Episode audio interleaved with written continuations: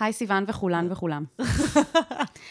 אנחנו מועמדות למצעד הפודקאסטים 2020 של מגזין גיק טיים, וממש, ממש, תעשו לנו את השנה הזאת, אם תצביעו לנו. זה יהיה הכי כיף בעולם. תצביעו גם מהטאבלט, גם מהמחשב וגם מהסמארטפון, כדי שהשנה הזאת תהיה קצת פחות שיט עבור כולנו. זה ממש ישמח אותנו. את ישר ולעניין. כן, כאילו, נו. אין פורפליי. הם לא, את לא נותנת להם להיכנס לאווירה. את, זאת אנשים- האווירה, האווירה תחרותית עכשיו, אין מה לעשות. אנשים סוף שנה. באו בפעם הראשונה בחיים, מקשיבים לנו, לא יודעות מי אתם, לא יודעות מה זה, אבל תצביעו לנו, ישר. אחותי, סוף שנה עכשיו, סוף שנת 2020, ואני רוצה שהשנה הזאת לקבל תיגמר... הכרה, אנחנו כן. רוצות לקבל הכרה. אני רוצה שהשנה הזאת מה תיגמר, מה בן אדם רוצה בחיים? נכון, לקבל תקשיבי. קצת טוב בשנה הזאת, רק שהיא תיגמר בטוב, זה כל מה שאני מבקשת. למה? תראי, יצאנו מהשנה הזאת, הפודקאסט הזה, זה הדבר הכי טוב בעולם. זה כבר מדהים. מתנה בפני עצמה, יא ורד. את צודקת. אבל כאילו, לרגע באמת, אה, ברצינות, תצביעו לנו, תודה, אנחנו סופר מעריכות, תצביעו, זה- תעשו את זה עכשיו, אוקיי. כמה שיותר מהר. כי. כי עוד שנייה נגמר הזה, ולפני ה-31 לדצמבר, סבבה? אין בעיה. יופי. אז אה, אני רוצה לספר על השיט שלי. בואי. אה, בעיקרון הוא על היצור הזה שעושה קצת רעש ברקע, אם אתם שומעות אותו. הלו הוא צ'רץ'. המפורסם. חמוד, תמה, נכון? כן. תמה חוזרת uh, בפרקים קודמים, אם אתם רוצים, אתם רוצות uh, להקשיב ל- לפ- בפרקים האחרונים. כל המאזינים הם קבועים אצלנו, אני ראיתי באנליטיקס. כן? סתם, נראה לי שהרוב. אוקיי. מגניב. זה אומר דבר כן. טוב? נראה לי שכן. אתם נאמנים, יש נאמנים. כמו כלב, כמו צ'רץ'. כמו צ'רץ'. לא, הוא לא כל כך נאמן. אוי, סתם, מה, הוא בוגד בכם? הולך כזה ברחוב, מתחיל אני אסביר, אני אסביר. לחרבן לתוך שקיות של אחרים? אז דיברתי בעבר על צ'רץ', אבל אני מעוניינת לדבר עליו עוד פעם, אבל מכיוון אחר. אני דיברתי על הבעיה הזאתי, אבל מכיוון אחר. איזשהו לברדור שחור, זה בעיה בפני עצמה אני, אני, מבחינתי. אני דיברתי על ה- לצאת איתו ועל הקשיים Mm. שאני חווה כשאני יוצאת איתו, ועכשיו אני רוצה לפנות אליכם, אנשים ברחוב. תצביעו אה, לצ'רץ' בפודקאסטים 2020, במצעד הפודקאסטים. זה יעשה לו את הפודקאסט על השנה. צ'רץ', הכלב השחור. לא, אני רוצה לפנות אליכם אנשים אה, שיש להם כלבים, ואני רוצה לפנות ללבכם ו- וגם קצת לנזוף בכם. אם הכלב שלכם עושה קקי, תרימו לו את הקקי. זה כזה, יש לנו פרק אחרי פרק שאנחנו מתעסקות בקקי, כן, זה ממש בשיט. סמלי. ממש סמלי, שיט של לקראת אחרים. סוף שנת 2020 נהיינו ממש literally פודקאסט על shit. shit. של אחרים. מה, ה shit שלך זה שאנשים לא מרימים את הקקי של הכלבים שלהם? כן. זה, זה fucking shit, כאילו... אבל איך זה קשור לצ'רץ'? אני, אוקיי. אני, אין לי כלב, וזה מעצבן אותי גם. נכון, זהו. דבר ראשון, כולם ישמחו. אני חושבת שאני פה פונה ללבכם של הבעלים, אה, של בעלי הכלבים בעולם, וכולם ישמחו שאתם תרימו את הקקי של הכלב שלכם. יש יותר מדי action items בפרק הזה. אנחנו מבקשות דברים. עזבי, תתלונני. אוקיי. פשוט תתלונני. אז, אז אוקיי, אז אני רוצה להסביר למה עבורי זה כל כך מפריע. והסיבה לזה היא שצ'רץ' אוכל קקי. אני דיברתי על זה כבר בפרקים קודמים, ואני אה, אגיד נכון. שוב. אה. צ'רץ' הוא לברדור. רעב, שמנסה לאכול כל דבר שיש בעולם הזה. נורא. מעניין אם הוא מבין שאני מדברת עליו עכשיו. חמוד. שום הבנה ממה שאני רואה. והוא, כשאנחנו הולכים ברחוב, הוא כמו, אה, הוא כמו אה, בן אדם מוטרף, שנכנס לחנות, כאילו, שמאוד רוצה סוכר, ונכנס לחנות... בהיפו, וכמו מישהו עם סכרת. בדיוק. הוא נכנס עכשיו לחנות, כאילו, גומי, והוא כזה בהיסטריה, סבבה? עכשיו, אה, הוא בעצם מנסה לאכול כל דבר שהוא יכול למצוא על הרצפה, וזה כולל גם קקי. אז את אומרת, אם לא יהיה קקי על הרצפה, בדיוק. אז הכלב שלי לא יאכל קקי. כשעברתי לגור בכרם... סיוון, אני לא יודעת אם זה הפתרון זה ל- הפתרון. אני אומרת, לדברים האלה. כשעברתי לגור בכרם, אז אמרתי להדר, וואי, נראה לי שיש פה פחות קקי ברצפה. לא. גם בכרם, כמו בפלורנטין, אנשים לא מרימים את הקקי, וכל היום אני מתעסקת בלמשוך את צ'רץ' מזה שהוא יאכל את הקקי. אתמול הלכתי ברחוב, ומישהו הלך בלי רצועה. סבבה? אני יודעת שזה מעצבן מאוד. אנשים, אבל כאילו, הם הרבה פעמים גם לא מבינים שיש לי כלב עם צרכים מיוחדים, והוא, קשה לו, קשה לו כשהוא פוגש אה, כלב אחר הוא, הוא כל כך, בגלל שיש לו דימוי עצמי נמוך, והוא חושב שהוא כלב קטן, למרות שהוא כלב עצום, יואו, אז הוא איך ממש... חפרת על הדימוי עצמי נמוך? כן, אז הוא ממש נובח, והוא קופץ, ואני נ- נסחפת אחריו. הוא כזה overcompensating כן, בהתנהגות. יש כאילו סבתוכה שלמה, וכאילו, או שלפעמים אני רואה אנשים כן עם רצועות, אבל הם חושבים שאולי הכלב שלהם ירצה לשחק עם הכלב שלי. יופי, חמודים. כזה, הם מסתכלים עליי כזה במבט כזה של, שנשחק, ואני כזה, תלכו מפה, תמשיכי ללכת, למה את לא ממשיכה ללכת? תמשיכי ללכת, צ'רץ' עומד לאבד את זה, תלכי, תלכי, תלכי. אבל הם לא יכולים לדעת את זה. בדיוק, אבל אני, לא פוגשת אותם בגינת כלבים. אני נכון. פוגשת אותם בצומת ברחוב. ברחוב, תמשיכו ללכת. כן. אם הייתי רוצה לשחק זה, הייתי הולכת לגינת כלבים. בדיוק, כאילו, מה, הקטע שלכם? אני לא, כאילו הם כזה, אנחנו רוצים, אה, אנחנו מרגישים בודדים. היי, סבבה, תקבעו זה עם הבסיס של הכל. כן, ממש. בגלל זה הם לוקחים כלב. ממש. עכשיו, התסכול, אוקיי, עוד, עוד תסכול שאני חווה כשאני מרימה לו את הקקי. אוקיי, אז כל, כל הטיול הוא מושך ומושך ומושך ומושך, אבל אז הוא עושה קקי, סבבה? ואז יש איזה רגע שבו אני צריכה להתכופף עם השקית ולהרים את הקקי שלו, זה דבר לא פשוט. זה מאוד גדול וזה מאוד מסריח. וזה לא כאילו קקי חמוד כזה של כלבים קטנים חמודים כזה, שזה כזה נכנס בשקית סנדוויץ', לא. זה שקיות גדולות, לפעמים שקיות זבל עצומות, כי כאילו, יש כמות קקי מאוד גדולה, סבבה? וזה רגע שאני, אני באמת חושבת... השיט הגיע לשיאו בסוף השנה. כן, אז זהו, אני חושבת שהוא התחשב בי. נכון? יש לי איזו ציפייה, לא ריאליסטית בשיט. כן, כי הוא ש- חיה. שצ'רץ' יתייחס אליי, כאילו, ויהיה אמפתי אליי, ושנייה, ויבין. יעצור רגע בזמן בדיוק, שאת מנסה... יעצור. לא, לא יחפש עוד קקי, לא יחפש עוד אוכל ברחוב, לא יחפש... הוא יהיה רגוע, והוא יסתכל, הוא יתיישב אפילו, זה הציפייה שלי. זה שורש. הבעיה ביחסי אה, בני אדם וכלבים שלהם. שיש להם איזושהי ציפייה בשלב כלשהו, שהם יתנהגו כמו בני אדם. ייקחו, איך אומרים, יתח- יתחשבו בהם, נגיד, ויעצרו בזמן שהם או עושים את הקקי. יבינו, אני לא חושבת שהוא מבין. או לא יקפצו על הוא הספה. לא מבין את המשמעות הוא של זה שעכשיו אני. אוספת לו את הקקי. עכשיו, זה מזכיר לי גם עצבים של ההורים על הילדים שלהם, כאילו שהם מתעצבנים שהם לא עושים משהו. ואז זה את כזה, הוא ילד. ברור שהוא עושה את זה. בדיוק. אותו דבר, הוא אז אותו ברור. שהוא עושה את אז זה. אני מתעצבנת עליו, אני מתעצבנת עליו ברצינות.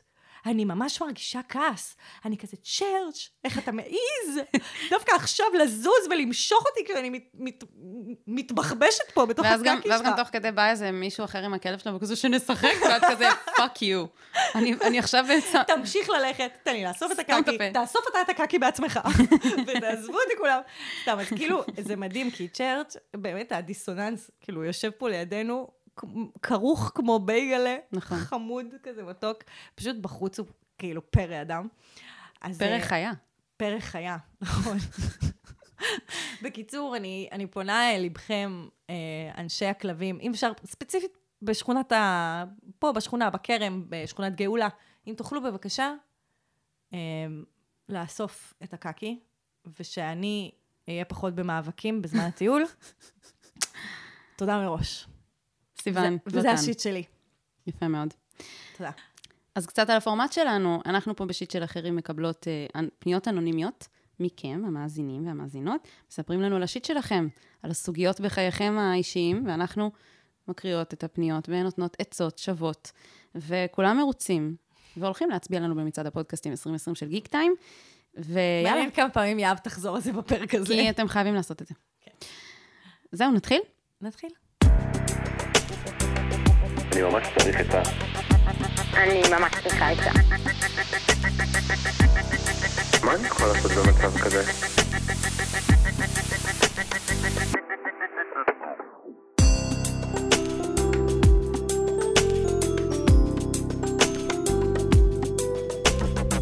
שיט של אחרים.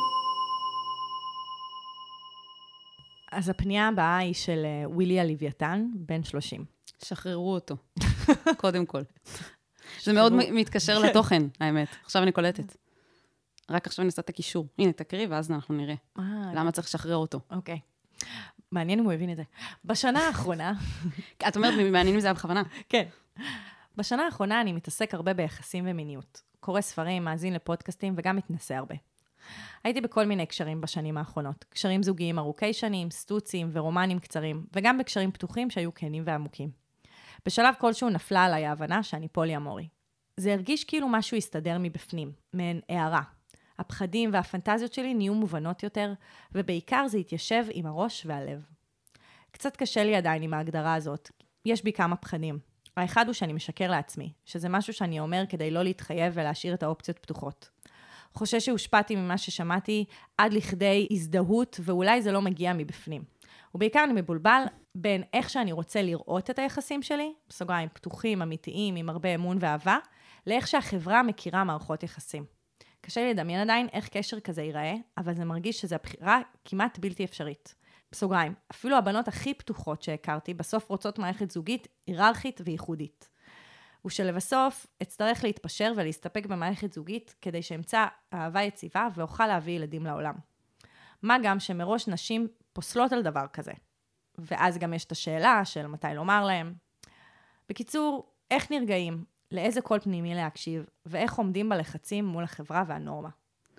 אוקיי, okay, שאלה מדהימה. גם אנחנו נגענו כזה ממש בקטנה בעבר בכל מה שקשור ליחסים לא מונוגמיים או א-מונוגמיים. Mm-hmm. אני רוצה להתחיל בכמה הבהרות למאזינים והמאזינות שקצת פחות בעולמות האלה, כי יש פה כמה הגדרות, כאילו מונחים שכדאי שרגע זה. בואו נתחיל מזה שה-מונוגמי, זה אומר יחסים שהם לא מונוגמיים. זה שם מטריה.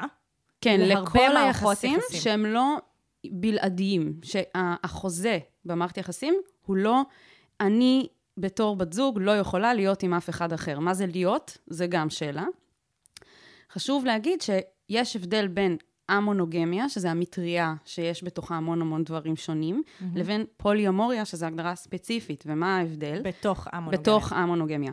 פוליומורי, זה אומר, פולי זה רבים, אמור, אהבה, זה אומר אהבות רבות. בתוך יחסים המונוגמיים יש כל מיני אופציות. אחת האופציות זה נגיד, אה, למשל, יש לי זוג חברים שכאילו, כשהוא או היא בחו"ל, אז הם יכולים כזה ללכת, קוראים לזה מונוגמיש. יכולים ללכת לשכב עם uh, מי שהם רוצים, אבל כאילו אחרי זה הם חוזרים הביתה, זה, זה רק סקס, כאילו אי אפשר לפתח אהבה.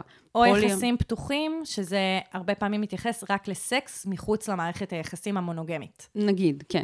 ופולי-אמוריה זה ממש לפתח מערכות יחסים רומנטיות, כאילו mm-hmm. אמור, אהבה, mm-hmm. רגשות, עם אנשים אחרים, mm-hmm. מלבד בן או בת הזוג ה... הזה או הזאת. ויש גם בתוך זה, ה...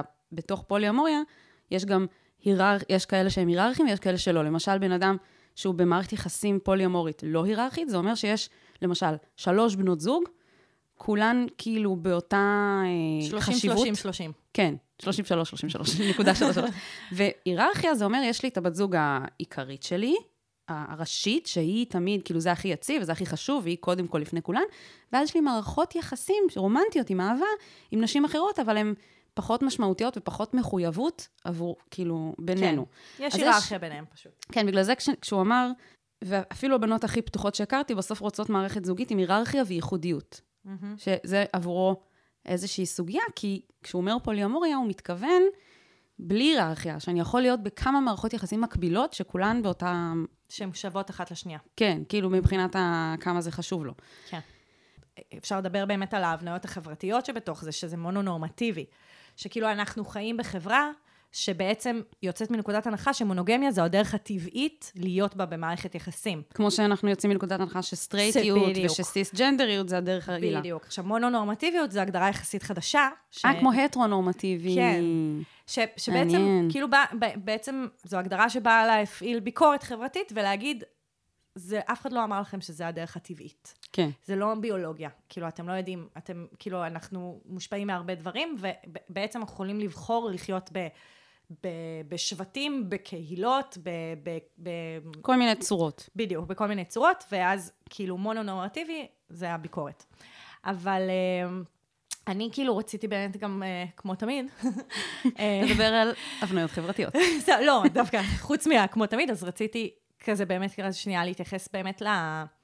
יש כאן הרבה קושי, כי אתה רוצה לבחור במשהו שהוא לא מקובל חברתית, וזה עוד, זה כמו לצאת מהארון, זה, זה כל הזמן לספר את זה, זה לספר, איך מספרים את זה להורים, איך מספרים את זה לחברים, איך מספרים את זה לבחורות שאני יוצא איתן, כאילו, כן, כן. גם יש כאן הרבה קושי, ומצד שני, אתה חי באמת היום עולם, כאילו, שהרבה יותר מקבל את זה. מאשר בעת- פעם. בדיוק, אז כאילו זה לא עכשיו... אבל עדיין, עדיין. אבל עדיין, וגם יש עוד את העניין שהוא מוסיף, שהוא אומר, רגע, אולי בכלל זה לא הרעיון שלי, אולי זה רעיון שכאילו... שהחדירו לי לראש דרך כל מיני תכנים שאני צורך. בדיוק. אז אני רוצה להגיד שגם אני וגם את, נראה לי, מכירות הרבה אנשים שהם במערכות יחסים א-מונוגמיים, או שהם מדברים את השיח הזה, גם אם הם בעצמם במערכת יחסים מונוגמית, הם פתוחים לרעיונות האלה, אפילו רק לדבר עליהם או לקחת אותם בחשבון. ואני ממש אה, מזדהה עם התחושה הזאת של כאילו, אני לא בטוח אם זה ממש מה ש... איזשהו קול פנימי של אמת פנימית, שזה מה שטוב לי וזה מה שנכון לי, או איזושהי השפעה מבחוץ של איזשהו שיח של, של מעגלים שאני נמצא בו, ואני ממש, זו התלבטות קשה, אבל אני חושבת שאתה בעצמך אמרת שזה התיישב, אמרת בעיקר זה התיישב לי עם הראש והלב. אז קודם כל בוא נתחיל מזה, אם אתה מרגיש שמשהו התיישב לך עם הראש והלב, זה הדבר הכי חשוב. כלומר, אם זה מיושב לך עם הראש, זה לא משנה אם הרעיון הזה הגיע מבחוץ, או שמבפנים תמיד היה לך כאילו unease כזה, חוסר נוחות עם, ה, עם המערכות יחסים שהיו לך, והרגשת שחסר לך משהו, וזה לא כמו, שצר, זה לא כמו שמתאים לך, או לא משנה. זה כאילו התשובה בגוף השאלה. בעצם הבאת כן. לנו את התשובה כבר בתוך ה... כן, אתה אומר כאילו משהו הסתדר מבפנים, אין הערה. זה, אני חושבת שמישהו שאומר דברים כאלה, נראה לי שאתה הגעת למצב שהבנת מה טוב לך, שזה מדהים. לצד זה, אני רוצה להגיד, שנכון שמשווים את זה הרבה פעמים ליציאה מהארון, נגיד, כמו גייז או, או להט"בים באופן כללי, אבל אני חושבת שזה קצת שונה, כי גם מבחינת התפיסה החברתית וגם איך שאנשים חווים את זה, אם תדברי עם להט"בים או עם, אה, או עם פוליומורים או עם אנשים אנו-מונוגמיים, אני כן מאמינה שבניגוד למישהו שהוא הומו, נגיד, שהוא אומר, כאילו, אני ככה נולדתי, זה מי שאני, אני לא יכול לשנות את זה, אני לא נמשך לנשים, ויהי מה. אני חושבת שבעניין של המונוגמיה, יש גם הקשר של התקופה שאני נמצא בה בחיים. ואני לא באה להגיד, כאילו, אני לא באה למחוק חוויה של אף אחד כמובן. יש אנשים שגם יגידו, זה אני, אני לא יכולה להיות עם מישהו אחד, ככה זה אני, וזה גם בסדר. נכון, משה אבל- לוי, שמדברת אה, הרבה על אה, פוליומוריה. כן, אה, מה שהלוי שווה ממש לקרוא את הפוסטים שלה, יש לה גם ספר עכשיו. נכון. וואו, קראתי בערך כל פוסט שלה במשך עשרים שנתיים, וזה מה זה... מהמם. רגע, אבל מה שבאתי להגיד על משה לוי, זה שהיא אה, אה, אומרת שמגיל קטן היא הרגישה שהיא בעצם שמשהו לא פוליומורית. בדיוק. לא, Mm. לא, לא שלא משהו לא בדיוק, היא, היא, היא נתנה כל מיני דוגמאות, אגב, באחד הפוסטים שלה, של מערכות יחסים בעצם לא מונוגמיות שהיה לה כבר בתיכון. כאילו, והיא לא קראה לזה ככה, והיא לא Mm. לא התייחסה לזה שזה- ככה, זה. אבל, אבל זה כאילו היה. עכשיו, כאילו, נראה לי שמה שאת מנסה להגיד, א', יש על זה דיון באקדמיה. כזה, האם להגדיר את זה כנטייה מינית, בדיוק. או כזה... אני רוצה להגיד שיכול להיות שיש אנשים שכן, זה הזה שלהם. מה, לא, אין, לא יעזור כלום. ויש אנשים, אני מאמינה שיש הרבה אנשים, שזה מאוד קשור לשלב שבו הם נמצאים, שבשלב מסוים בחיים מתאים להם דבר כזה, ובשלב אחר מתאים להם דבר אחר, וזה בסדר, כי אנחנו כל הזמן משתנים, ואני חושבת שזה ממש טבעי שברגע הזה בחיים שלך, כן, זה מי שאתה וזה מה שמתאים לך במערכת יחסים זוגית. כן. לא צריך כל- להיאחז בזה. זהו, לא, יכול להיות שבעוד 15 שנים יהיה מתאים לך משהו אחר, ואני חושבת שאם אתה לוקח את זה בחשבון, אז זה הרבה יותר קל אה, להתמודד עם זה שכרגע זה הצרכים והרצונות שלך. מה שיהיה אחר כך, זה יהיה אחר כך. אם תרצה להביא ילדים לעולם ותרצה שזה יהיה במסגרת מערכת יחסים זוגית אה, מונוגמית, או, או כן. מונוגמיש, איך קוראים? מונוגמיש? מונוגמיש. כאילו, זה גם ממש בסדר להגיד, עכשיו אני רוצה פולי-אמוריה, ו- ולקבל את זה, שבעוד כמה זמן אתה לא תרצה את זה. כן. ו- ויכול להיות שגם זה יהיה באותו מערכ- באותה מערכת יחסים עם אותה אישה. יכול כן. להיות שאתה תפגוש מישהי, כרגע מתאים לה, אחר כך יהיה מתאים לכם לסגור את המערכת יחסים לתקופה. יכול להיות שגם הפוך, יכול להיות שגם תכיר מישהי שבהתחלה, היא אומרת, קודם כל בואו נבסס את הקשר, ונהיה ב- באיזושהי מונוגמיה כזאת. או נסכים שנגיד, נפ... ננסה אולי לדבר על זה בהמשך. אני חושבת שגם יש הבדל מאוד גדול בין מי שאתה פוגש, וממש יש קליק ביניכם, אבל אתה מבין על ההתחלה שהיא מבחינתה מונוגמיה זה... זה deal breaker. זה, די- כן, אי אפשר להיות עם מישהו במערכת יחסים מבחינתה שהוא לא מונוגמי, לבין מישהי שאומרת, כרגע אני מרגישה שאני צריכה מונוגמיה, מוכנה לקחת בחשבון ולדבר על זה בעתיד, זה נראה לי הפער הכי גדול. כאילו, אני חושבת שאתה כאילו מאוד חושש ובצדק, שזה גם מתי לפתוח את זה איתם, האם כאילו לפתוח את זה מאוחר יותר, ואז היא כבר... זה כזה לא נעים, כי למה לא אמרת לי את זה בהתחלה, ומצד שני לא? לא להבריח אותן. אני חושבת שזה מאוד הגיוני לדבר מאוד בהתחלה, להיות פתוח, להגיד, על החוויה שלך. מה אתה מחפש? מה, מה, מה עושה לך טוב? זה, באופן כללי גם כדאי שאנשים ידברו על זה. ברור. מה, מה אתה מצפה, מה הציפיות שלך גם ממערכת יחסים אה, זוגית? כשאתה מדבר עם מישהי שיש איזה קליק כזה ונראה שזה הולך לשם, אה, וכן כדאי להגיד, אני לא חייב בהכרח עכשיו, אולי, אבל אני כן רוצה שאני, שזאת תהיה אופציה בשבילנו, ואם מישהי אומרת זאת לא תהיה אופציה לעולם, אז כנראה שהיא לא הבחורה בשבילך. אני פשוט חושבת שאפשר מלכתחילה לצאת עם מישהי פוליאמורית. ו... גם, כן, אבל זה, כאילו, יש כל מיני קבוצות בפייסבוק וזה, בדיוק. נתחיל מזה, אבל אני חושבת שגם ספציפית עכשיו, בשלב שהוא נמצא בו, הוא לא מדבר על העתיד, הוא מדבר על ההווה, זה בדיוק גם מה שאמרת. כרגע כן. הוא הבין שבהווה, שזה זה עכשיו מה המערכת שטוב לו. יחסים הרלוונטית, כאילו, נכון. מבחינתו, ואז הוא אומר מתי לחשוף, מתי זה, כי זה מה שמעניין אותו עכשיו, כאילו, הוא, הוא, זה החשש הכי גדול שלו שיקרה לו מה שעכשיו אמרת. שהוא יכיר מישהי ויגיד, טוב, אולי היא תגיד לו פוליאמוריה בעתיד. פוליאמוריה, כרגע, זה מה נכון, שהוא נכון, מחפש. נכון. וזה גם, אני חושבת שזה יהיה מדד עבורך, אם אתה בכלל בפועל, בפנטזיה, להיות פוליאמורי, יש בזה כאילו באמת הרבה יופי. בפועל זה, זה המון עבודה. מערכות יחסים זה המון עבודה, כן. אבל ריבוי מערכות יחסים זה מן הסתם יותר עבודה, וזה המון עבודה של שיח ותקשורת ורגש וכנות וגבולות, ו... כן, יש שם גבולות המון. מאוד. בדיוק. ואז זה נכון להתחיל בתוך מערכת יחסים פוליאמורית מלכתחילה. כלומר, עם מישהי שהיא פוליאמורית, שיש לך את המרחב לבחון את זה, לבדוק את זה, יכול להיות שאתה תהיה שם בפועל, ופתאום זה דווקא... זה מה שלא ירגיש לך טוב. כאילו, Mm. זה פ- פתאום, פתאום הפנטזיה, כשהיא תהפוך למציאות, היא לא תהיה הדבר הקוסם הזה. ש... או שלא. או, לא, ברור. אבל הוא גם מאוד כזה, את העלית נקודה ממש נכונה. הוא מאוד חושש לגבי העתיד, כאילו, איך אני אביא, איך אני אקים משפחה, וכאילו היציבות ש, שצריך בשביל משפחה. אני אומרת, תוריד את הדאגה הזאת מלבך, אם אתה לא רוצה עכשיו להקים משפחה, אז כאילו, ת, תחצה את הגשר הזה כשהוא, כשתגיע אליו, כי להקים משפחה זה קודם כל עם מישהי שאתה רואה בה שותפה לחיים, ואז גם צריך להיות ביניכם, צריכה להיות ביניכם איזושהי התאמה. אם היא גם פוליומורית, או אם היא מונוגמית, או יש, צריך התאמה והסכמה ותקשורת קודם כל, ואז אם אתה רוצה להביא עם האישה הזאת, אז אתם כבר כאילו מדברים על זה, אבל אני חושבת שבשלב הזה, אתה עוד לא במקום הזה. אתה רוצה קודם כל לחוות ולהתנסות. כאילו, עם מישהי שהיא גם בראש הזה. לגמרי אופציה, כאילו. וגם יכול להיות שבעתיד אתה תוכל להקים איתה משפחה. אבל כזה, אין, עכשיו אין לדעת את הדברים האלה. עכשיו, כאילו, קודם כל, תעשה את מה שעושה לך טוב. נכון. פשוט. ואני חושבת שברמה האתית, כן נכון שכשתפגוש מישהי שהיא לא מוצהרת פוליאמורית, כאילו לא תפגוש אותה באיזה קבוצה כזאת או משהו כזה, זה כן חשוב להגיד את זה על ההתחלה. אה, בעיקר בגלל הגיל, אני חושבת, אה, אתה כבר, אתה סגור על עצמך, כאילו אתה כבר, אתה, אתה אומר, כאילו זה יסתדר לי עם, ה, עם הלב והראש, אז זה אומר שאתה סגור על עצמך, ואני חושבת שזה כאילו גיל, גילוי נאות שצריך להגיע בין הפעם הראשונה לפעם השנייה שאתם נפגשים. כן. אמ, אפילו אפשר לכתוב את זה מראש.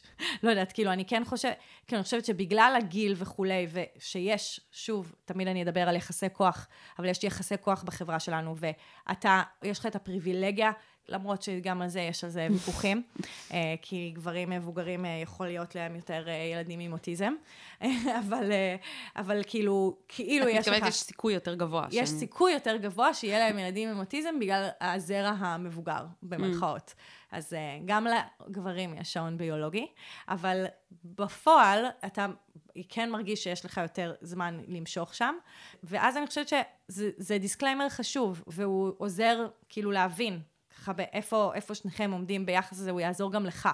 זה לא דבר רע, כאילו אני לא חושבת שזה משהו שצריך להסתיר אותו או להתבייש בו. באמת אנחנו חיות היום בחברה שיש לזה מקום, כאילו אתה לא צריך כן. להצטדק בפני אף אחד. אני אומרת, פשוט תעוף על עצמך. ועל, ועל תת- נשים, שאתה... תתחיל. להתנסות. כן, ו- ואתה תבין עם הזמן, אתה תלמד על עצמך הרבה יותר בהקשר הזה. אז בהצלחה. ווילי הלוויתן, שמשחרר את עצמו אל משחרר את עצמו היחסים האמונוגנים. עם עוד דגים בים. יש, כן.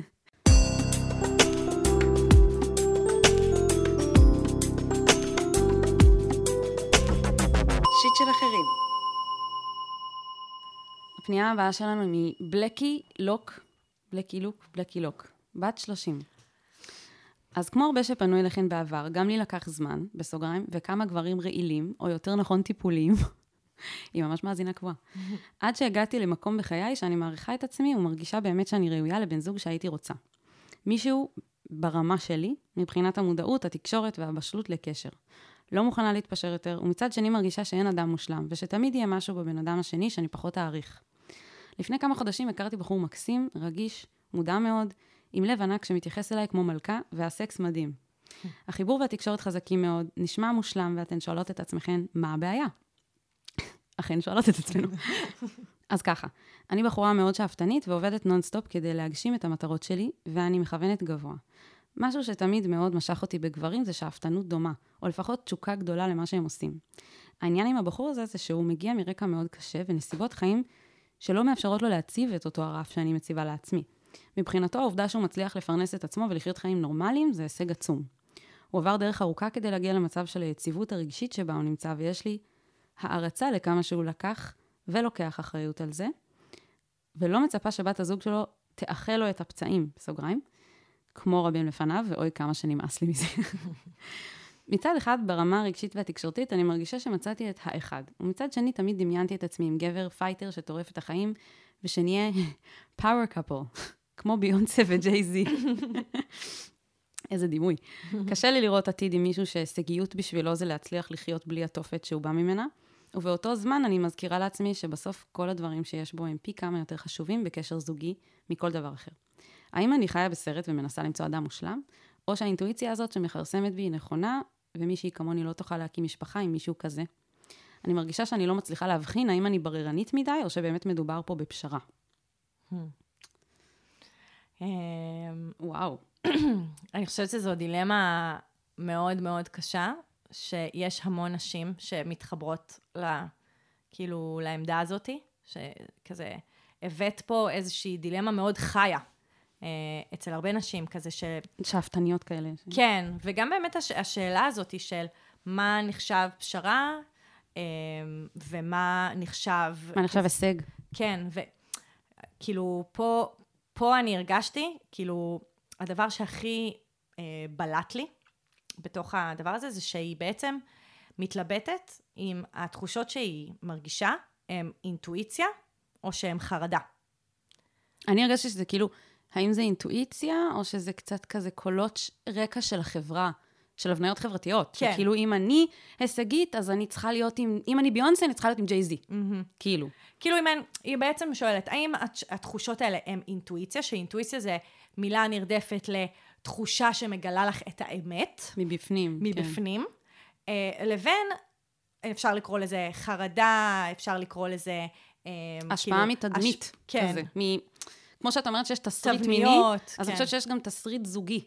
שכאילו זוגות, אני מרגישה מאוד שאנשים תופסים את הזוגיות שלהם בתור, כאילו איך זה נראה מבחוץ, מאוד אכפת להם. ובצדק אכפת להם, אני יכולה להבין את זה. כן. כמו שלאנשים אכפת איך הם נראים ואיך חושבים עליהם, אז גם אכפת להם איך חושבים על הזוגיות שלהם, כי זה כאילו איזשהו סמל להצלחה, או סמל. כן, כי הבן זוג שלי החברתי. אומר מי אני. כאילו, כן. הוא בדיוק. תמונת מראה למי אני, והראה לי את חבריך ואומר לך מי אתה, אז בדיוק. הראה לי את בן זוג שלך ואתה, זה, זה, וזה אתה. נכון, וכאילו אם את בוחרת מישהו שכזה, הוא לא, הוא לא כזה עף על החיים, כאילו, מה זה, הוא לא מצליחן במיוחד, הוא לא שאפתן במיוחד, כאילו, או לפחות לא, ב, לא, ב, לא בסקייל שאת שואפת. אז כן, אני, אני יכולה להבין איך זה כזה מרגיש קצת אה, כאילו פשרה, כזה. כן, זה גם, היא גם אומרת, כאילו, אני אישה כזאת שווה, ואני כזה זה, אז מה, אני אתפשר? כאילו, זה, זה, כן. זה איזושהי שאלה, והיא היא לא יודעת אם להקשיב, אם להקשיב לקול הזה. ובעיניי, אפשר כאילו, שנייה, באמת רגע להתייחס לדבר הזה. אינטואיציה, זה, כאילו, הרבה פעמים אנחנו מקבלים החלטות שהן לא דרך, כאילו, תהליך לוגי, הגיוני וזה, אלא דרך תחושות, והרבה פעמים אנחנו מספרים לעצמנו שכאילו ההחלטה התקבלה בגלל כל מיני דברים לוגיים, אבל בפועל זה היה בגלל כאילו רגשות. זה מאוד מזכיר לי את הפנייה הקודמת במובן הזה של, אני לא יודעת מה האמת, האם זה, האם זה אמיתי, או שזה כאילו רק ההבניה משהו החברתית חיצוני. וכל הקולות האלה. כן. זה מאוד, אני, יש רגעים כזה בחיים שאת את מנסה כאילו לנקות את הקולות, כדי שתשמעי רק את הקול הפנימי, זה נורא קשה, כי קשה לזהות מה קול פנימי ומה קול מה חיצוני. חיצוני. אבל כאילו, בשונה מהקודם, כאילו פה אני מרגישה שהיא אומרת, כאילו יש לי איזשהו סאונד פנימי כזה, ואני תוהה אם זה בעצם אינטואיציה שאומרת לי, לא, לא, זה לא, אתם לא תשרדו עוד כמה שנים, הרי כאילו זה מה שהיא אומרת, כזה עוד כמה שנים להיפרד, ואני לא הבן אדם שיוכל להחזיק מערכת יחסים כזאת, ו... וזה באמת, ואז היא אומרת, ואני לא יודעת אם זה סתם מחשבות כאלה של חרדה, כאילו, זה אם אני בררנית, אם זה סתם המחשבות המציקות האלה, או שזה באמת איזשהו קול שאומר את האמת. ואני חושבת שא', אי אפשר לדעת, כאילו, באמת. תודה רבה, סיוון. איזה לא, עצה, אני, אני, חושבת שאי אפשר לדעת בשלב הזה אם זה אינטואיציה או שזו חרדה. ואני כן, גם כנראה חושבת... שהיא תדע רק אחרי שכאילו, או שיה- שזה יצליח או שזה ייכשל. גם מה זה אני אפילו לא יצליח הייתי או אומרת ייכשל, את זה כן, במושגים האלה, אבל כאילו... בדיוק. אני חושבת שכאילו אפשר, א', להסתכל על הקולות האלה, ולא, א', לא מיד להגיב אליהם. כלומר, כאילו כאן יש את השאלה, האם להיפרד ממנו כזה, או האם כאילו להמשיך בתוך המערכת יחסים. וכאילו אני אומרת, בואי תשהי עוד במערכת יחסים. כי ההחלטה היא באמת מאוד לוגית, אבל בואי, בואי תהיי עוד קצת זמן קשובה ל- לרגש שלך, ותראי איזה רגשות מתפתחים. עכשיו, את אומרת, פגשת גברים פחות מיטיביים. זה אומר שיש כאן איזשהו מנגנון של, דיברנו על זה בפרקים אחר, אחרים, שלהימשך לרעילים זה להימשך לאלה שזה לא יצליח איתם. Mm. כאילו, יש איזושהי באמת, איזשהו פחד מלהיפגע, מלהתמסר וכולי. וכאילו, יש כאן עוד פעם את החרדה הזאת, כשזה באמת משהו טוב ומיטיב וכולי, ואני, ובאמת אני אומרת, בואו, בואי רגע, כאילו, ניקח צעד אחורה, ונסתכל על זה. נסתכל על זה, נסתכל על הרגש, נסתכל מה הוא מספר לנו, נסתכל מתי הוא עולה, כאילו מתי, מתי, ה, מתי החשש הזה עולה, כאילו מתי, מתי הוא נרגע, מתי את שוכחת מזה לחלוטין, מתי זה כאילו עולה שוב. להיות בקשר עם הדבר הזה, ולא ישר להיות תגובתית אליו. כי Mm, הוא כאילו לא לא בהכרח... חייבים, אפשר לעשות משהו עם זה. בדיוק, לא חייבים לעשות משהו עם זה, אפשר לחיות עם הדבר, עם השאלה הזאת עוד תקופה. אה, ו- ו- וגם, ובאמת בתוך התקופה הזאת כנראה יקרו עוד דברים. יכול להיות שאת תג- תגלי שאתם פאוור קאפל ממקום אחר לגמרי. או שתגלי דברים שאת עוד לא יודעת, שיגרמו לך לא להיות מאושרת איתו מסיבות אחרות. Mm. למרות שזה נראה, כאילו היא אומרת שכרגע יש מבפנים, זה מרגיש כאילו בתוך הקשר יש הרמוניה. ותחושה ש... שהיא חולקת את החיים עם מישהו שעושה אותה מאושרת. Mm-hmm. אבל שיש איזשהו חוסר, החשש הזה, זה נשמע שיש פה כאילו בין השורות, שכאילו את לא תוכלי להישען עליו. אפילו אולי ברמה הכלכלית. Mm. זה נשמע כזה כאילו שטחי, אבל זה לא. למה? זה לא פעמים- נשמע שטחי. כאילו אישה חזקה, היא באיזשהו מקום, היא גם צריכה גבר חזק, שהיא תוכל להישען עליו כשצריך. זה, היא לא יכולה להיות חזקה 100% מהזמן וכל הזמן. כאילו, אני, אני ממש מזדהה עם זה, עם, ה, עם התחושה הזאת. Mm-hmm. שאת צריכה גם מישהו שאת תוכלי להישען עליו, ויש משהו קשה בזה שכאילו... אולי היא חוששת שהיא לא תוכל להישען עליו עד הסוף. מצד שני, זה נשמע שהיא יכולה להישען עליו בהרבה היבטים אחרים. כי כן. היא, יש שיח איתו ויש תקשורת, וברגע שיש תקשורת, כאילו, מעין, הכל יכול לקרות הכל יכול כזה. לקרות. זה בדיוק. מה שבאתי להגיד. לא רק תקשורת, אלא גם אה, כששני הצדדים הם מודעים לעצמם, וכל אחד עושה בפני עצמו את העבודה שצריך בשביל, כאילו, אני לוקח אחריות על הטראומה שלי, ואני לא משליך את זה על הבן אדם שאיתי. אני חושבת שאם יש הבנה מאוד בסיסית שזה, וכאילו הפעולות הן בהתאם, וואו, כאילו, הזוגיות יכולה ממש להיות טובה.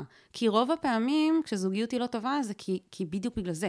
כי אנחנו מצפים שמישהו ירפא לנו את הטראומות, וזה לא עובד ככה. מהמם, נכון. זה כזה, היה פוסט, מה זה מצחיק פעם באינסטגרם, שהיה כתוב כזה, when you date, like on your first date, כזה בדייט הראשון, תשאלי את הגבר שמולך, האם הרגשת שאהבו אותך כילד? האם הרגשת נאהב? אם התשובה היא לא, תשאלי אותו, ומה אתה עושה עכשיו כדי לטפל בזה?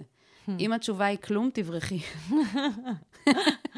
וואו. כאילו, ממש מסכם במשפט אחד, כאילו, איך לפעול, איך לזהות גברים רעילים וטיפוליים מראש ולברוח, לפני שזה... זהו, וגם ב- זה נשמע שסוף סוף היא מצאה, כאילו, היא אומרת, אחרי דרך ארוכה, אחרי זה, וכאילו, באמת אני, אני מה שאמרתי, שאולי תגלה שהם power couple מכיוון אחר, זה זה, זה עוד פעם ה reframing הזה, אבל כאילו, יכול להיות שהם יהיו power couple כדוגמה ומופת ל...